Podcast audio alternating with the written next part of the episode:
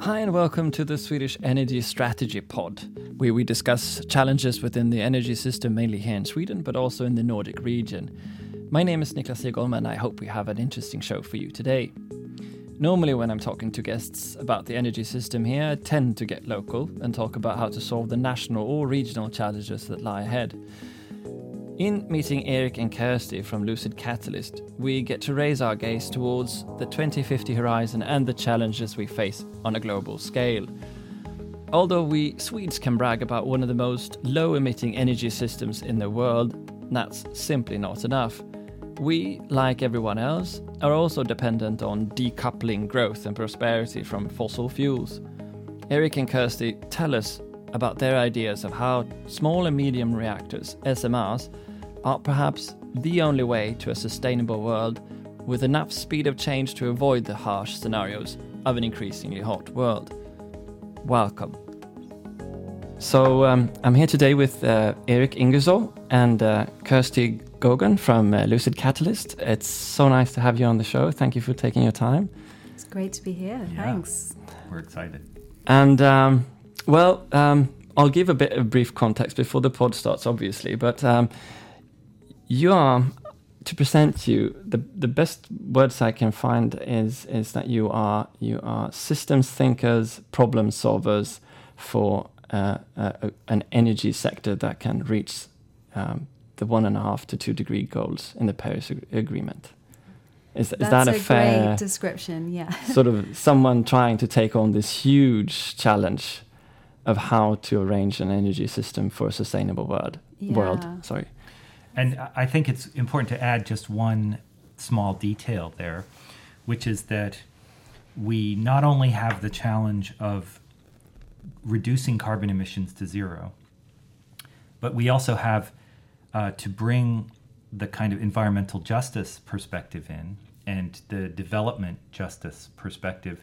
We actually have to increase energy supplies in the developing world to provide a good standard of living for the 3 billion people who have kind of very poor or no access to modern energy services right now.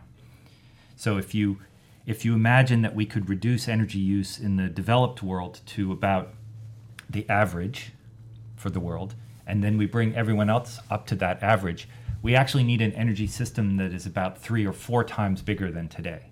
So the challenge is not just the simple challenge of decarbonization of today's energy system. It's building an energy system that's three times bigger, which is also carbon free. Right. Because when you see the EIA's report, you can actually see that both coal and oil is still increasing. Yes. Um, and there's huge need for more energy in the global energy system. Yes. That's right. Further so, on. yeah, mo- the mainstream projections, you know, International Energy Agency, um, the EIA, DNV, BP, you know, they're all um, assuming that at least 50% of our energy will come from fossil fuels by 2050. And, you know, that's partly as a result of population growth, but it also builds in those assumptions that that billions of people will still lack access to electricity. So it's still assuming that poor people stay poor, and yet we still don't get all the way to zero based on the current strategies and the current sort of direction of travel, which, you know, by the way, puts us on the trajectory for a three to four degree warming, as a, which is, you know, in stark contrast to the 1.5 degrees or two degrees um, target that we set in the Paris Agreement. All right. And you've fairly recently um, released uh, a new report that's called The Missing Link to a Livable Climate. And uh, we'll talk a bit more about that. Uh, but first, I'll just, for the listeners, um, try to um, um, dig in a bit about your, your background and, and how Lucid Catalyst came about. Um, so, Eric, um, I could see from your resume that um, you've worked with uh, a lot of market uh, strategy issues. Well, basically in every part of the energy sector. Uh, tell us a bit of, of where Lucid Catalyst started and, and, and how you, how, well, what does that entail? Yes. So the uh, Lucid Catalyst is um, actually uh, two names. So I had a company called Lucid Strategy, and Kirsty had a company called Clean Tech Catalyst. So uh, when we started working together, eventually we decided maybe we should just have one company, and so the the name came from the taking the the two most uh, powerful or aspirational parts of the pre-existing company names. The my my path to this is that I, I as I grew up in Africa, and um, my father was an architect who was always very interested in designing solutions to to uh, problems bigger than just designing a building. So he saw buildings as a way to solve broader set of problems, and uh, he was very patient with me when I was young. And I actually was thinking about him the other day, and I realized that he never declined to answer a question that I asked him. He always answered every question with the kind of most thoughtful, kind of deep, uh, uh, you know, broad understanding in, in, in that. So I think that really gave me a sense of both kind of how to think, but also he was very um, uh, inspirational for me uh, in in that you can have a life where you work on the most important problems. Right. And so that's really the the work that that we do in the consulting business and the work that that is we look for clients who want to work want us to help them who want to work with us on these most pressing most interesting most most difficult problems. And uh, that's what we bring to to so we're very selective about what kind of projects we do. Right but it seems like uh, complex problem solving and systems thinking has been a sort of like a part of your life all the, whole, the way. the whole way. The whole way. Yes. You studied at berkeley. Yes. And then you you you've basically been in, in working with complex problems with governments and agencies on policy making um, yes and, and i think that's sometimes you know firms will take a view that they advise a certain type of client. But we we have a kind of meta view to that. So we see that if we look at a problem you can see the kinds of entities that would you would need to be involved in developing a solution so you so if you have a view that you're consulting to the problem in a way not just to a client obviously we work with our clients, but we, we also try to bring in and work with the range of stakeholders that are necessary to bring new solutions into being. Having having worked with these kind of, of really complex problems for so many years, what would you say in your experience is uh, like key takeaways? what are what is most often missing, and what is most important to think about when approaching problems like these? Well, I, I, I think I'll, I'll take a kind of short answer to that, but I also, I think part of the reason that Kirsty and I work together is that Kirsty has made a career of looking at how you engage stakeholders, how you engage the group of people that need to be included in a solution in the most skillful way. Right. So part of part of what you need what what's most often missing actually is is good listening is is understanding really from the perspective of that person what how they see the problem what maybe they're missing what they're not seeing what they would need to see in in order to become part of a solution? Like what is the business case for them? What is the personal change maybe that they need to make? Or you know how how what is stopping them from being part of the solution? And and you know what process could you go through with them to take them from where they are today to where they need to be?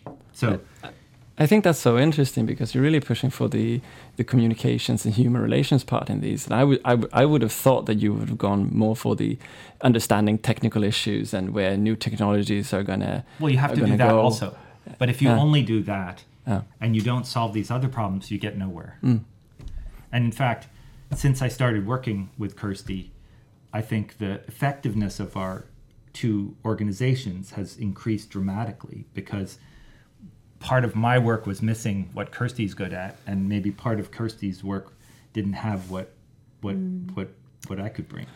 Right. So then, Kirsty, you worked as a senior advisor also for 15 years at least, right? Mm-hmm. Uh, um, among others. Probably with, more than that. I'm really Probably. old now, so with the Department of Energy in England. yeah. And you've also founded uh, Energy for Humanity, uh, an, an NGO. Mhm. And also, you've led, and as Eric mentioned here, uh, uh, led um, academic net expert networks. Mhm. And I thought this was really interesting when I read your bio as well that you combined uh, an alliance between nuclear, carbon capture, and renewable industries. Mm. Um, tell us a bit about, about you and, and how this came about. Oh, um, yeah. So I guess uh, coming back to your question about the name of our company, Lucid Catalyst, it's it's really about combining insight and analysis um, and you know sort of creative thinking around problems with the catalyst bit which is actually how do you make those how do you realize those ideas and insights in the real world and you know for that you have to i'm afraid you have to work with humans. Um, and you know that's that's where that sort of um, perspective comes in around understanding really what what people care about and listening very well. And the the low carbon alliance is a nice example of of how you can um, how you can create a change which seems very surprising and unexpected and and you know at the time felt you know unachievable to have the nuclear renewables and carbon capture and storage industries um, standing together issuing a joint statement and then subsequently continuing to work together um, as the low carbon industries because you know that had really never happened before. Um, and when we issued our first joint statement calling for the decarbonisation of the electricity system in the UK by 2030 um, everyone freaked out it was on the front pages of all the newspapers on the Financial Times and Uh, it's been here in Sweden as well, actually. uh, the story Yeah, there's stories about the nu- nuclear sector in England, and really yeah, That's interesting. And they, you know, what's wonderful is this was, you know, several years ago now, and the pact remains intact. So, you know, they continue to work together, and you will have the renewables industry representatives standing up and saying, we need nuclear in the mix as well. Like, yes, obviously we'd love offshore wind to, you know, have, dominate the electricity sector, supply the lion's share of the electricity generation in the future, but we still have a role for clean, dispatchable nuclear energy, so long as it can be cost effective and so on. But that is so powerful when you hear renewables advocates and renewables representatives saying we need nuclear in the mix. It's so much more powerful, frankly, than a nuclear advocate saying we need nuclear in the mix. And that was the sort of, you know, the interesting thing about how that came about was under, was finding the common ground, finding a shared objective, which at the time was was this goal of the of the decarbonisation of the electricity sector, which aligned very well with the environmental organisations' campaign stra- uh, objectives at the time too. So in all of that newspaper coverage, we had Greenpeace quoted welcoming this initiative. Now, that doesn't mean that Greenpeace suddenly became pro nuclear or anything else. They made, you know, a political calculation that it made sense to focus on the goal, focus on the outcome we all cared about, and create some sort of political consensus around that. Um, and as a result, this was reported positively in the right wing media, which tends to support nuclear, and the left wing media that tends to support renewables. There was something in it for everybody, in other words. right. And now we're seeing that approach um, replicated really, really successfully in the United States and elsewhere, where you know we have a, a more pragmatic, realistic, technology inclusive approach to setting clean energy standards in the US, which in the past would have been you know renewable portfolio standards. Um, but as we start, as we move deeper into our decarbonisation, clean energy transition efforts, more and more people are beginning to realise that we have to be much more realistic about the whole system and how it will function, and actually that there's a role for different technologies with different attributes that can be very complementary and lead to the outcomes we care about. I, th- I think we we believe that this is the the decade where we have to start we, where we have to move from advocacy from kind of a, a a way of talking about these things which is kind of a kind of an argument if you will between It's- various it's sources. aspiration, yeah, and, and where we're talking about it as a kind of, you an know, abstract, an abstract set of choices or something, and we have to move to very practical implementation. And frankly, if we have to replace all of the nuclear energy in Europe with additional renewable energy, that's that means there's that much progress that we're not going to make. So we have to build extra renewables just to make up for the nuclear energy that we would be shutting off. Right. And this is what's happening in Germany is they're they're shutting off nuclear and building renewables and not getting anywhere not making any forward progress on decarbonization. And so I don't know if you noticed on our report, but on the cover we don't have the date. On the on the cover it says 30 years to 2050. And that is really uh, the new calculus for the human calendar is not this is this is the year 2020. The new cal- calculus for the calendar for humans is how many years before we have to get to zero carbon emissions and keep our civilization alive. Yeah. It's just before we get into the report more, it's just that there's something that I'm missing here hmm. because I, I completely understand the value of a pragmatic approach and the value of having different stakeholders being able to discuss these questions. And but s- still, at least here in Sweden, I would say that we have policymakers that just don't can't which who can't agree on whether it's it's carbon free or renewables. That's the way forward. How do you how do you get policy policymakers to Hmm. take this approach? Well, so in, in Sweden, you're super fortunate because you've already achieved like the first really difficult part of the, you know, the the the path to full decarbonization of your energy system because you have already a very clean electricity grid. We got so- we got hydro. You've got yeah. lo- you've got hydro Yeah. Mm. and you've got nuclear, and your the carbon intensity of Sweden's electricity grid is amongst the lowest in the world. And we need to get below 50 grams of CO2 per kilowatt hour in all of our electricity systems.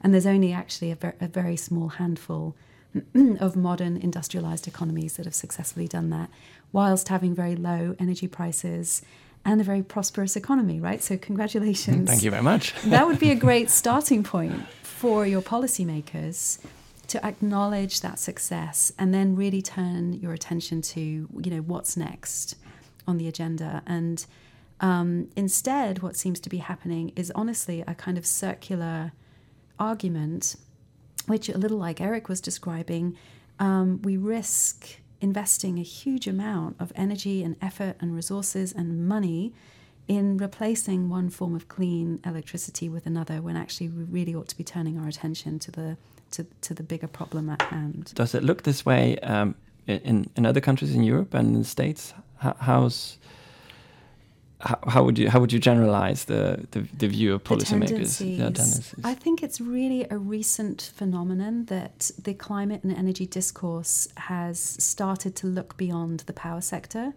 You know, we've really successfully built public and political support for action on climate change. And a lot of emphasis has been on a narrow set of technologies within what is really a narrow part of our energy, overall energy use. I mean, electricity um, consumption accounts for what, uh, 20% of our total energy use and about a quarter of our emissions. Great, let's let's get that right. Let's make progress there. Now we're doing that. We're starting to think about the harder to decarbonize sectors of heat and transport and industry.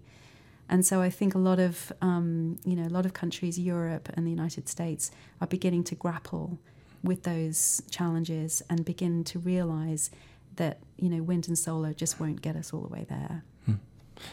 Yep. All right. So that's uh, more or less where we started this interview. But this, the outset of your report is really uh, the consequences if we don't reach the Paris Agreement or the two two uh, Celsius, two degrees Celsius increase in temperature.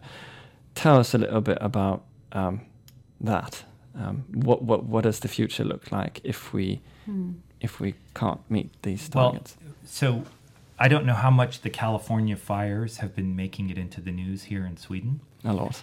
Um, but a climate scientist in California m- m- said something which I think is a very helpful way of thinking about this.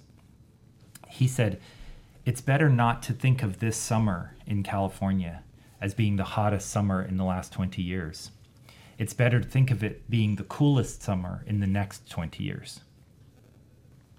And if you really think about that, that gives you an idea of what we're dealing with. And one of the, you know, I, I could I could list a lot of scary things that will happen if we if we stay on the four degree path. But I think probably a, an easier and maybe kinder way to answer the question is just to think about how vulnerable our societies are actually to disruption. So, for example, uh, here in Europe, you had a few refugees come from Syria. And it gave rise to kind of fascist populist parties.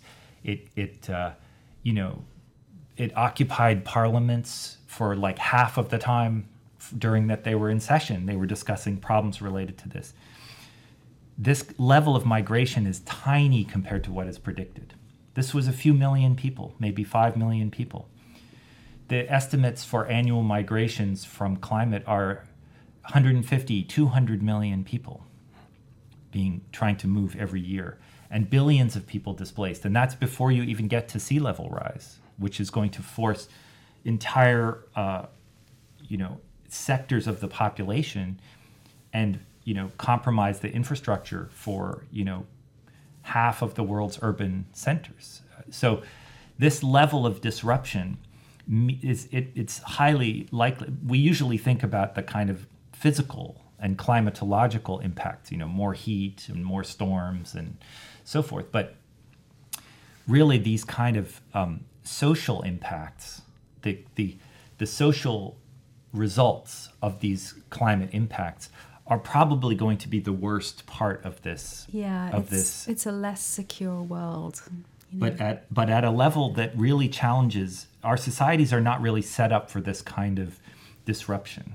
You know, if we have no power for a week, things start to fall apart, you know? And we're talking about, I mean, obviously we still have electricity, but that's just an example of how fragile things are today. And if we have large amounts of refugees and changes in, in, uh, in food production and so forth, we, we, you know, it's hard to imagine how that will be a good scenario. Yeah. So, so I guess we, we look at this through the lens of you know of risk and the risk of failing to decarbonize and when you start to sort of look at that this challenge and the timescales within which we're operating 30 years to 2050 it's you know no time at all my daughter will be the age i am now in 2050 um, then you start to sort of think you start to sort of view the the range of options that we have available very very differently actually, it makes no sense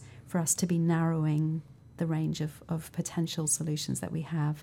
Quite the opposite. We need to be looking at the um, very successful um, uh, efforts and strategies to drive down costs of renewables and, and increase rates of deployment and see where else we can apply that, that success template to other technologies. So, um, how did you approach this? Um, how did you go about um, mm-hmm. finding ways that could turbocharge this change in a, in a in a matter that currently isn't happening? I mean, so we we started by sort of defining the problems. So we said, Eric said in the beginning, we sort of tried to d- design to the to the problem. Um, so we defined that as really being the very hard to decarbonize parts of the economy, which very nobody uh, anticipates we will have solved by 2050. And which are they? And those are primarily liquid fuels, so oil and gas. So oil for heavy transport use like aviation and shipping and other uses, as well as gas outside the power sector. So we assume that we're going to do really, really well and be really, really successful at energy efficiency and deployment of renewables at a huge scale, that we'll have done a lot of the work, but we still won't get all the way there. And that leaves about 50% of our decarbonisation challenge. So liquid fuels, okay, they're really, you know, th- those are the tough ones. We can't really electrify very easily. So what we ideally need are drop-in substitutes. And our sort of theory is that we need those drop-in substitute fuels to be as close as possible to the current costs that we're used to paying using existing infrastructure um, for those fuels, so transport, um, storage, and and the end use engines. You know, ideally, we just repurpose all of that existing technology so we don't rely on massive amounts of new investment that's made in a timely way to facilitate a transition. Um, and then we start looking at how we can produce those fuels cleanly without emissions and at you know a global scale that's equivalent to today's oil sector, which, to give you an idea, we use around 100 million barrels of oil per day Every right day. now. So it's big. It's Right. about three or four times the size of the electricity sector. which which is about a thousand barrels a second. So, if you imagine barrels going by fast, know, It's, quite a lot. It's, it- and this is one of the, the big problems we have with this climate challenge that the scale is so big that it's really difficult for you know ordinary humans to really get their their heads around the the challenge. And you know what we found when we looked at the clean technology options, wind and solar and and and so on. What we found was that you know they have um, constraints um, around the amount of time that they can generate for. So the capacity factor is constrained by by the wind or the sun. Um, and also that they need a huge amount of land um, because they're low density um, technologies. And we'd anticipate that a lot of that good resource, the windy and sunny places, we're probably going to be wanting to use to make electricity any, Right. anyway. we can't put them in So we- London. We don't want to be competing, right? Mm. So we we we um, tend to look at neglected technologies, and nuclear energy is a very neglected technology in this discourse, um, but has a very high impact Right. potentially. Um, but of course, lots of people are very skeptical about the potential contribution nuclear technology could make because our recent experience in Europe and in the United States is that nuclear is really expensive and really slow. And so, really, can we depend upon it Mhm. to be useful? And which were the uh, prerequisites, uh, the current constraints? You, you, we, are we still going to travel as much? Are we still going to consume as much? Is that we how did you think about those? yeah, issues? so that's that's very good. So, the the there are sort of two different generic strategies that people use for thinking about how to solve the climate energy challenge, and and the the first one is what we would call the mainstream approach, and that is electrify, uh, convert the electricity sector to renewables, and electrify as many end use applications as possible. And the other ones don't do them anymore. So, so it's a combination of of and it makes also this pathway tends to make very big strong assumptions about energy efficiency improvements. So, so first you make kind of you reduce energy use as much as possible. Then you replace it with the clean renewable energy. And then you you add ways you you transform ways that currently use fuels or whatever into something that uses electricity. And um, behind all of this is a lot of assumptions about what we call behavior change. So people will not fly as much. People will um, take public transport instead of driving their car. People will um, use efficient lighting and so forth. And People the, will be willing to pay more, like a lot more. yeah. So the the the problem is, and this goes back to what Kirsty was saying about risk. This is not just, you know, in some ways, this discourse can sound like a moral discourse, like you should do this and you should do that. And unfortunately, we have, you know, many moral discourses in society, and we can see that not everybody is doing what they should be doing. In fact, a very small percentage of people really are doing ex- all the things they should be doing. And so, the you know, do we want to gamble our current civilization on this strategy? Because this strategy sounds morally pure, that does not mean that it's likely to be effective. Well, and uh, and in give the, particular, um, well, I just want to say the thing about risk again, which is that Can't say it too many times. which is that we are by committing to this pathway we are essentially saying we're willing to risk this terrible climate outcome, this incomplete decarbonization, because we we are attached to the idea that people should do these things.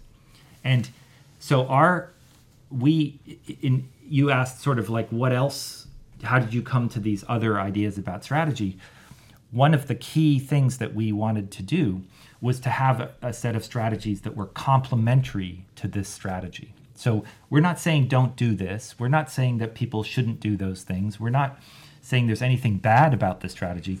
We just don't want to gamble the future of human civilization that everybody will comply with this strategy. So we wanted a complementary strategy that doesn't require behavior change, that, that allows people to keep doing the things that they are doing now and like to do and and doesn't assume that energy efficiency is going to be you know very successful and so yeah, forth. I, th- I think the bottom line is it's not our decision. Yeah. you know, there's a there was an incredible insight from the uh, International Energy Agency World Energy Outlook report last year in 2019, um, which was talking about electric vehicles. And there's an uh, there's a goal that you know seven percent of our global car fleet will be electric by 2030, which is great. But it does beg the question what about the other 93%? But then um, there was a finding that that SUVs, so those great big gas guzzling cars that people used to like to drive in America, now turns out people like to drive them all over the place, and they are the second largest contributor to emissions growth in the world. So we have a sort of perspective, perhaps in Europe and in the United States, that we're doing really well with electric vehicles and so on, but that really doesn't represent the true global picture. And so this this is about really being like realistic about how much we can depend upon these behavior change tendencies and how quickly we can achieve those changes. And it's I think it's important to say that it's not either or. Both of those things are happening, right? we're, we're growing electric vehicles and we're growing um, SUVs at the same time. As you know, people are becoming richer in in China, India, Africa, Asia. You know, as as as we see a kind of growing middle class, which is wonderful. What comes with that is increased energy consumption, which is also wonderful. The question is, where will the energy come from? Right.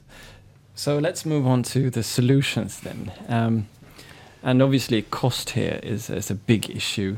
Um, and um, um, the uh, Commissioner for Energy, um, I forgot her name. I'll have to retake this question. Uh, um, the Kadri Simson, the mm-hmm. the Commissioner uh, for Energy in, in the EU, has um, has put forward a huge package uh, uh, for investments in development of hydrogen and production of hydrogen capacity. Um, and this is a, a, a, big part of your report as well. Um, but right now, there are not that many cat, um, electrolysis processes um, around, and the cost of producing it is fairly high. So, how do we go about, or is there any other solution? Please tell me, what did you find? Yeah, um, well, I'll, so I'll start with with saying that you know there's increasing focus on hydrogen as a decarbonisation tool as the emphasis is moving towards those hard to decarbonise sectors that depend now on liquid fuels.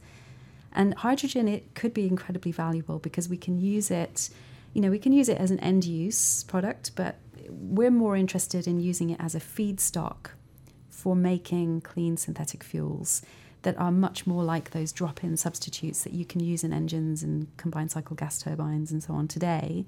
So those fuels would be things like ammonia, for example, which you could use in ships, um, or synthetic hydrocarbons that you could use in aviation. But in order to, to for the hydrogen to be useful for that purpose, it has to be really, really cheap, like really cheap. And when we started evaluating the the options for, for making it cleanly um, in dedicated production facilities, we were really su- surprised actually to find that um, that no no, um, uh, no literature currently anticipates renewable hydrogen, so re- hydrogen made from wind or solar, being anywhere close to the kind of target price that we need, which is below a dollar a kilogram before 2050. And you know, let's hope that they do get there, and that um, you know that could even be sooner. But the question is, what do we do in, for the for the other thirty years? And when we started unpacking what drives the cost of hydrogen production, what we found is that there's some really critical factors, and one of those is capacity factor, so that those electrolyzers that you were saying they're really expensive. That's right, and um, you really want them to be, you know, used 100% of the time, 100% of their availability. Um, and so you need a technology that has a high capacity factor, and and of course nuclear technology will generate for like 95% of the time. So that's very well suited. In addition, you want the electrolyzers to be super efficient. And one way of making the, them really, really efficient is by adding in heat. Um, so if you have a technology that can produce high temperature heat, which of course nuclear can, then you can have incredibly efficient thermochemical or high temperature steam electrolysis, which is another important contributor to driving down the cost of the hydrogen. And then finally, you also need it to be really, really large scale because if we're talking about replacing liquid fuels, um, you know, that's a lot of liquid fuels, back to the 100 million barrels of oil a day. So ideally, you need a very, very dense power source, and, which of course nuclear technology is. So you can have very, very small footprint, um, very high temperature um, to make very efficient uh, electrolysis, and then very high capacity factors. And then the only outstanding question is how do you transform what we think of today as nuclear, which is that you know grandfather's technology, big and old and handmade, expensive to build, expensive, takes a, two decades to build one mm-hmm. plant. Mm-hmm. How do we transform that that traditional approach to to making those plants to really bring them into the 21st century? How do you modernize the delivery of those nuclear technologies in a way that can achieve the very, very low costs and the very large scale and the very, very fast rates of deployment that we need. So, should I just say something about that? Well, let's. Uh, yeah, I, I just because I might be in the wrong here, but my experience or my feeling is that a lot of policymakers are because I, I, find this like an important, really important finding that uh, renewables would even 2050 be way too expensive to produce hydrogen as an alternative because that's what's a lot of po- that's what a lot of policymakers still are talking about. Uh, as, so, as well, this comes it's back to the idea that people will be willing to pay more. Ah, right. Or, or use less. Well, it, it also comes back to there. It does look like so just to use some numbers, if you have hydrogen available at a petrol station and you have a hydrogen car, if you can have that hydrogen for $4 a kilogram, it's probably an okay price. The, the problem is getting the, the cost of getting it to the filling station. Right, the transport and everything. Yeah, you have to compress it, you have to move it, you have to store it at the filling station. And there's been a lot of studies of this and you you end up having to have hydrogen the production cost has to be less than two dollars for four dollar hydrogen at the filling station. And that's the kind of easiest example because people pay a lot of money at the gas station at the filling station for their fuel. So you're almost picking like the easiest example. This example that kirsty's talking about which is that for the global economy we need a way to make large amounts of synthetic fuels. If if you were going to use ammonia in in the ship and you wanted the same price per gigajoule as you pay today for your fuel, you need you need uh, hydrogen at about one dollar twenty five per kilogram. Shipping fuel is the is the fifth largest country in terms of emissions. So the emissions from ships globally is more than Germany, which is the fifth largest emitter.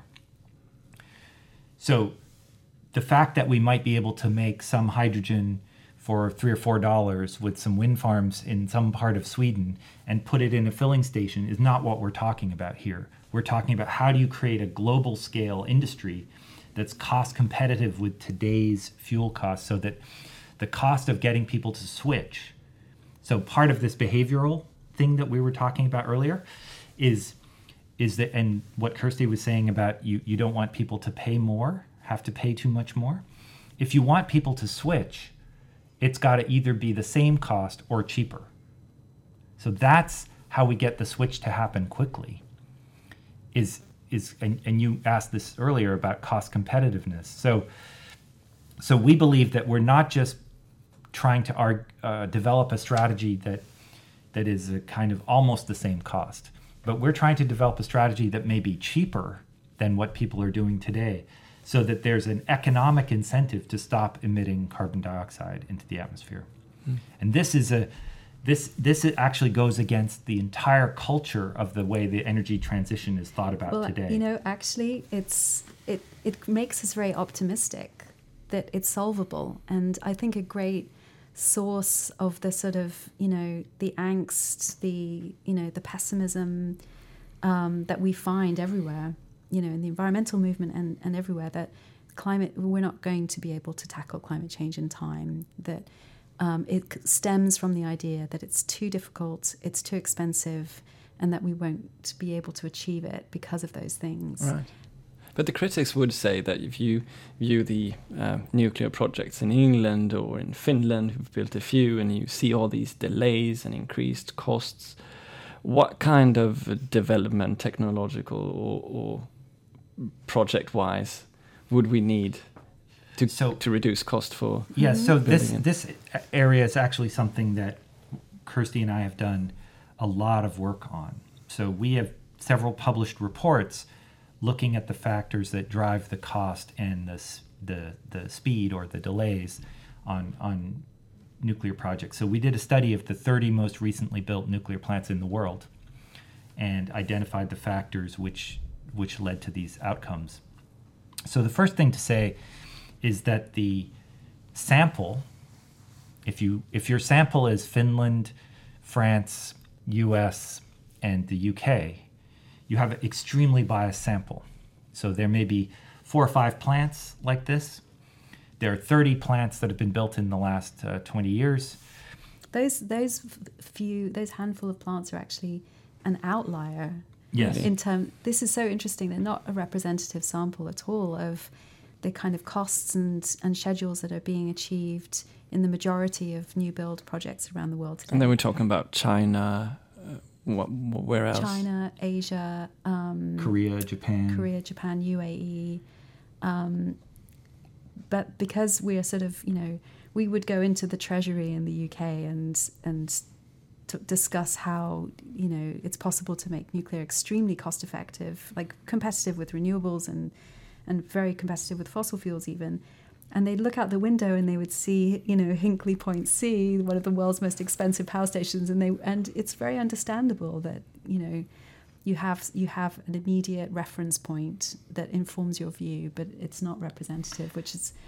But there's a so so there are you know there are things we could do to be more like the way the Koreans and the Chinese deliver plants. Which is. But we don't think that's the solution. Which is, by the way, you know, very straightforward and easy to understand. It's it's about you know building up skills and capability within the supply chain, having a standardized design. Everybody knows what they're doing, and you know you have a programmatic approach where you have the labor force, supply chain, project leadership team, and regulator are all very experienced, capable, and you know that those efficiencies actually drive out enormous amounts of costs and the thing that all of those expensive plants being built now in Europe and the United States have in common is that it's the first time anybody's done it in a generation. And it just requires a huge amount of investment in order to license your design, finish your design, build it for the first time, um, and and train everybody, including the supply chain, in order to get that thing done but we're already seeing with the second nuclear plant that's being planned now in the, in the UK, Sizewell, Sizewell C, we're seeing the cost drop by the, the pr- proposed cost drop by as much as um, a third, if not more, from from the first one to the second one. So very very significant cost reductions. So, so the kind of key points there is it it's it's a mistake to say nuclear is expensive and slow it, it is more helpful to look at specific factors that drive that and you know to understand that that those are um, the things that have been operating in the plants that we've seen in Europe. But the, the, the, there's a the second answer to your question about how do you really achieve these low costs is that we the reason we refer to nuclear technology rather than the nuclear industry or nuclear plants today is that nuclear technology is really a way of producing heat from certain elements. And there's nothing that says that design has to be done the way these large gigawatt scale light water reactors are done. And in fact, right now they're being commercialized in China and Japan and and um, the U.S. and Canada um, are next generation designs, which have a very different kind of uh, footprint, a different um, uh, kind of underlying use for the technology, a different safety case, and these designs are much more amenable to a manufacturing based delivery model. So when you order a car, they make the car in the factory and they drive the car to, you know, and you go pick the car up in, in the dealership. They don't send 12 people with a whole bag of parts and make the car in your driveway for you. And you could imagine that if they did that, it would not lead to a low cost car. It would be would- cumbersome for yeah. sure. And, And- it would and- still be an improvement on the way we do it now in the nuclear sector. But but the so the the the issue is you know can we adopt something more like this car manufacturing model for for the delivery of these new nuclear technology products and and really there's two ways to do that you can either bring the project to the factory so you kind of have a special big factory where you can make a whole plant and then move it somehow or you bring a kind of factory style production to the plant. So you you make uh, your as- final assembly process and your uh, maybe big component manufacturing and so forth. You make a facility which is right next to where the plant is going to go, and you you kind of do this kind of work using factory style productivity and quality standards and so forth to make the plant delivery process low cost and and and um, predictable and low risk. And so that's really what we explore in the report is these two different styles of of uh, radically transforming what we call the delivery model for the plants.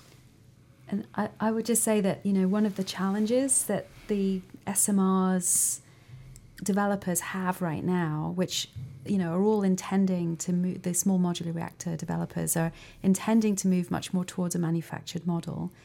Um, but that means that you're, you have to move your capital investment from the big plant to the factory where you manufacture your product. And that, that's another investment that requires a pipeline of orders. Um, what's interesting about moving from the sort of traditional utilities model much more towards ma- making commodities, making fuels, is that you're making a product that isn't tethered anymore to the electricity system, requiring a 30 year power purchase agreement. You're making a product that can be stored and transported and exported to global markets. And that means two things. Firstly, you can locate your project where you want. Um, you're no longer tethered to those transmission lines and and the and the customer. Um, but you can also make it as big as you want because you're producing fuels that you can export to global markets. So that means that the, the factory on site that Eric's describing, where you're making your systems and components and, and you have a fully integrated manufacture, installation, and production process, you can spend a lot of money on that because you're going to be installing maybe 30 high temperature reactors, which because they're really different from, you know, the light water reactor designs, you can co-locate many, many reactors together in a very different way. They're all, of, you know, passive safety and so on. You can place them closer to cities as well. Or?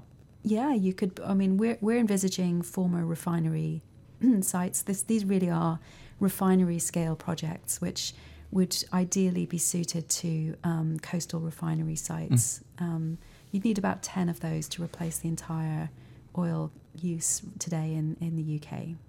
Ten of them. Ten. 10 of those gigafactories. But, and where are we now? Um, who's building these capabilities? And wh- where, where do we stand? How many? Yeah. How many? So this is a good. Th- there are so the the first model, which is moving the plant to the factory. The the most obvious place to do that is in a shipyard. So you take a modern shipyard, and you make a kind of a ship that includes all the components of the plant. It's not really a ship in the sense that it. It's akin to a kind of production platform you'd see in the oil, Oil and and- gas sector.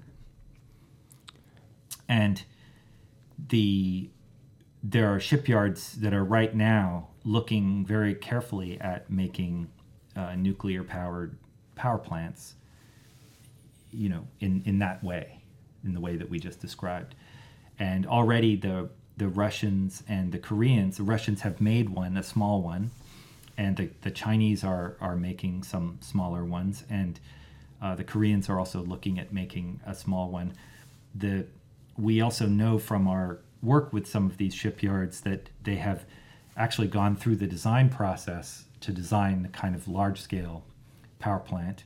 And in fact, we have another study coming out, which we have done with the Electric Power Research Institute, um, which is which is more looking at the kind of techno-economic analysis for these kind of plants. So, how do we know what they would cost? Uh, what what uh, what would the fuels production cost? So in the in the missing link report, we talk about the fuel production platform, which is made in a shipyard. Um, we have a uh, a version which is making synthetic hydrocarbons and another version which is making ammonia for kind of shipping markets. In this com- forthcoming report, we actually detail all the costs that are involved and we show how it's possible to achieve these kinds of costs. And in fact, for the ammonia platform, we sh- we are estimating the cost would be two thirds of today's ammonia price. So one third less than today's ammonia price, which which would create a fuel that is carbon free and would be competitive with the would be less than in fact the ultra uh, low sulfur fuel oil that is now today required for ships globally. So this would allow ships to, to buy this fuel and have no cost for reducing carbon emissions. You know what's really cool is that we're we're basically applying a lot of existing industrial capability to a new application. And the, the high temperature reactors that we envisage using are very close to being commercialized, very well demonstrated, extremely well understood by regulators and and indeed the supply chain. And those heat sources really only represent a kind of relatively minor component in the overall plant that we're describing. Um, and the shipyards really know how to build these big, complex, you know, really big, complex production platforms. Um, and not only that, they're the highest productivity manufacturing, you know, environments in the world, with world class, you know, very highly regulated quality control and assurance standards, as well as you know, very sort of modern um, uh, supervision, inspection, um, and automation processes that allow you know these incredibly you know not only fast and high quality outcomes but also a great deal of certainty around you know the schedule and the budget. So all of these factors combined give us quite a lot of confidence and you know the report that's coming with very very detailed cost analysis um, you know give us a very great deal of confidence that this deserves to be investigated because um, when you look at the investment that the oil and gas sector is looking at making anyway in maintaining that 100 million barrels of oil per day flow of energy in the world economy for the next three decades, uh, the costs that we're arriving at indicate that we could replace that flow of energy cleanly without emissions and with a tiny environmental footprint for less investment than the oil and gas sector is intending to make anyway. Interesting. Uh, but I, I, I couldn't help but noticing that when I asked, y- your examples are from Japan and, and, and China and Russia. Where's Europe and where where where's Canada and Good the United question. States? in this? yeah. Well, there's there's a couple things. Um, what so the the answer about who's doing this is that really nobody is doing exactly what we're talking about Yet. But pieces of what we're talking about are being done. So we assembled these solutions from examples that are from very high volume and sort of large dollar volume uh, projects and capabilities that exist in the world today.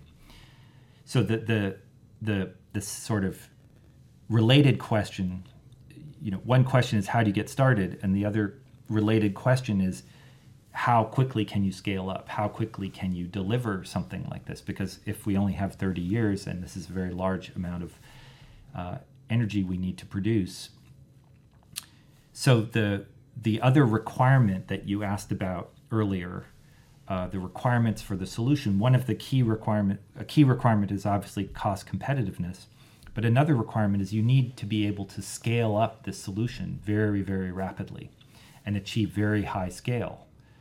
Um, so our that to replace that 1,000 barrels per second, you need about 14,000 fuel production platforms each one with more or less one gigawatt of, of, of power producing capability.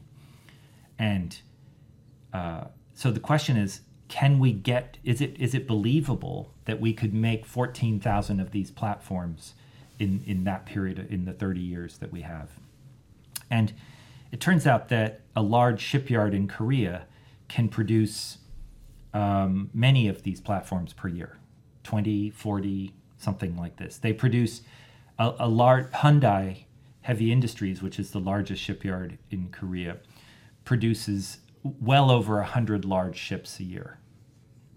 So this and the global shipbuilding capacity uh, it, utilization right now is less than fifty percent.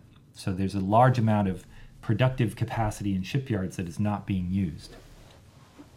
So that's that's encouraging. Yeah, if they could produce 40 per year, they could produce 400 in 10 years. You wouldn't yeah. need that many shipyards then. Exactly. Yeah. In fact, you can scale up the production in any given shipyard quite a lot with some investments. And then you can bring on additional shipyards. The, the, the shipbuilding industry is very large. So there's like more than 60,000 large ships in, on the oceans today. And the when the oil price is high, these shipyards produce many, many large structures for, for the oil and gas industry. So this is a kind of an industry that's already at scale. We don't have to talk about how to scale up but this industry. But we do have potential in Europe to to bring back some of our capability. Yes. You know, we we're not at that stage today, but you know, if we were to to move in this direction, there's there's a huge potential, latent capacity and capability, you know, in many many countries in Europe and in the United States, um, and and of course the gigafactory, the the onshore hydrogen gigafactory, is immediately available right. to to any of our countries, mm. um, to become actually energy independent for you know for for heat and fuel, um, which I think is a very appealing prospect, especially with such a small environmental footprint, tiny. And, and I guess there are other uh, challenges in the supply chain as well as converting these tankers to a new form of, of fuel. Is is that also? I guess yes. that's a big issue there, as well. Yes, but. Uh, to, MAN, to ammonia, for example. Well, MAN, the the company uh, that makes they have the largest market share in the large diesel engines that go in ships. They have already uh, announced that, that, they will have an ammonia engine available for new ships within uh, one or two years. That's already been in development for five years or so. And shortly after that, they will have a, a conversion kit that will allow you to convert your existing ship to this ammonia fuel. So this is the sort of least cost, you know, least disruption path to to switching to a clean fuel is is through ammonia. So do you know about industry. the Impossible Burger? No, please tell me. Oh, so uh, we all know that we're supposed to eat less meat and that that uh, uh, or and so forth for health reasons and climate reasons and and so forth, but um, of course, going back to the behavioral thing, just because we should do that doesn't mean yeah. that, that, that that's happening. One of our great mentors, Professor Sir David MacKay, um, said, "Oh, you think nuclear is controversial? Try meat." You know, So we're not we're not making a kind of moral statement about this, but there is some evidence that maybe eating a bit less meat and, and, and so forth has has real consequences for climate and for health. But the problem is this behavioral issue that if you are used to cooking meat and used to eating meat and used to uh, buying your food in certain places and so forth, eating in certain kinds of restaurants, if you want to change, you may have to change all those things. And to do that, you have to really believe strongly that it's important to do it. And you have to have some uh, time and energy to, to make this change. And if your kids don't like that and your wife's not interested in that kind of cooking and you know whatever these other factors, it all of a sudden becomes more or less impossible to make the change, right? But what if you could get a hamburger at the place where you normally buy your lunch hamburger, but it's just made in a different way? It's not meat. And what's interesting is a, a company in the US called Impossible Foods has made this kind of hamburger and it's available in Burger King. So, no behavioral change necessary. You just order this one instead of that one. Tastes like a burger, you eat it like a burger. And um, again, we're not saying you should do this, but if people want to make this change, this kind of drop in substitute makes the change extremely easy for them we believe that we need a whole set of climate solutions that are like Impossible Burgers, where there's a drop in substitute for something that we are doing today. You don't have to change your driving habits. You don't have to go to a different gas station. You don't have to buy a different kind of car. You don't have to, you know, not go on vacation. You, you just, you do those things, but all those things are fueled by some kind of impossible burger substitute that, that is invisible to the consumer. And this, if it's invisible from a behavioral perspective and invisible from a cost perspective, we believe this gives us a chance at achieving the kind of radical change that we need in our carbon emissions within the short period of time that we have. So, um, um, sort of looking back at where we started, uh, there's only 30 years to go to 2050. It's a short span of time. Where do we need to go now? How are you looking forward? What do you need from policymakers? What's the way forward here? Um, well, I think the first thing I would say is, you know, we're coming back to the theme of risk. Um, and, you know, I think nuclear technology has largely been excluded from the discussion due to a, a very unfounded perception of risk. So the first thing I would say is that you know we you know given the risk of failing to decarbonize, which is really the great existential risk, it's really important that we um, that our decision makers and that our leaders um, take it upon themselves to get educated about the potential for this technology to make a transformative difference in a part of the problem for which, frankly, we really don't have very good answers right now. What's your dream? What would you love to see happen in the coming years? You know, I think we are making tremendous progress um, in many areas, and I'd like to see that success replicated across the other technologies and in the other sectors. And we have some really credible, really evidence based ideas and strategies for how we could do that, how we could replicate the success that we're that we're achieving in wind and solar to other technologies. And if we were to apply ourselves in that way, if we were to break down these sort of artificial um, you know divides between between the low carbon technologies, then we could actually um, stand a chance of you know the world that my daughter will grow up into and all of our children will grow up into being much less scary and much more secure. If the Swedish Minister of Energy is listening to this, Eric, what, what would you like him to think about Well, going I, forward? I think I think um, to take this idea of risk a little bit further, I think we need to model the future, model our energy systems in a way that incorporates this idea of risk. So normally when we do the kind of modeling that we do, this is a, a good little energy geek moment here. The kind of modeling that we do is really looking for optimal cost for a portfolio of technologies. So that's usually how we run the models. Is is, is you know which outcome leads to low cost energy. We don't say, uh, but what if we can't? You know, if we say, oh, in the future we'd like to have 30% of electricity in Sweden come from wind, we don't run any versions where it's hard to do that. We assume if, if it's cost effective, it happens. Unfortunately, this is not how the real world works. And we are doing a lot of uh, this work in, in the US, and we're finding that the problems of building transmission lines, the problems of community opposition, the problems of uh, um, you know a kind of uh, sticky existing infrastructure, these things actually make accomplishing these kind of economically optimal things very, very difficult, sometimes impossible. So, if we could take a kind of new way of modeling to think about these risks and recognize that the risk of failing to decarbonize is a very, very serious problem, and that we have to minimize that risk as much as possible with by understanding these other risks and, and developing strategies, I think this would be very good.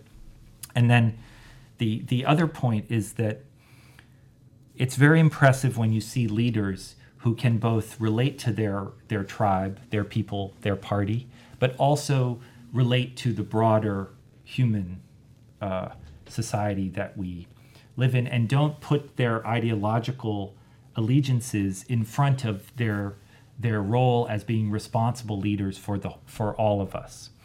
And because we have so little time and such a challenge here, it seems like it's very it's time for leaders to have this broader view and to let this broader view really drive their decision making.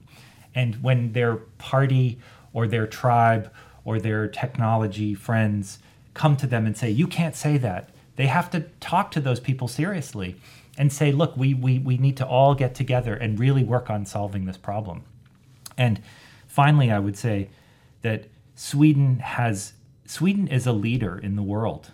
Sweden has the most decarbonized electricity sector. Sweden doesn't even really acknowledge that they've done this globally, that they've solved this problem, and that they've solved it with a mix of technologies, which includes nuclear energy, in a way that many other people could also solve. And it would be great if Sweden could provide more leadership in this kind of technology inclusive way to show that this path is actually available to other countries as well. Yeah, that's that's what we say when you say, you know, what does climate success look like? It looks like Sweden. are you um, are you optimistic? Realistic and optimistic at the same time, and that's that's the balance of you know being alive to um, as as much as possible to um, to anticipating and mitigating against those risks along the way, um, but optimistic ultimately that it's very achievable. Thank you so much uh, for being with me in this pod. It was a pleasure having you guys. Thank you for all your excellent questions. Yeah, thanks.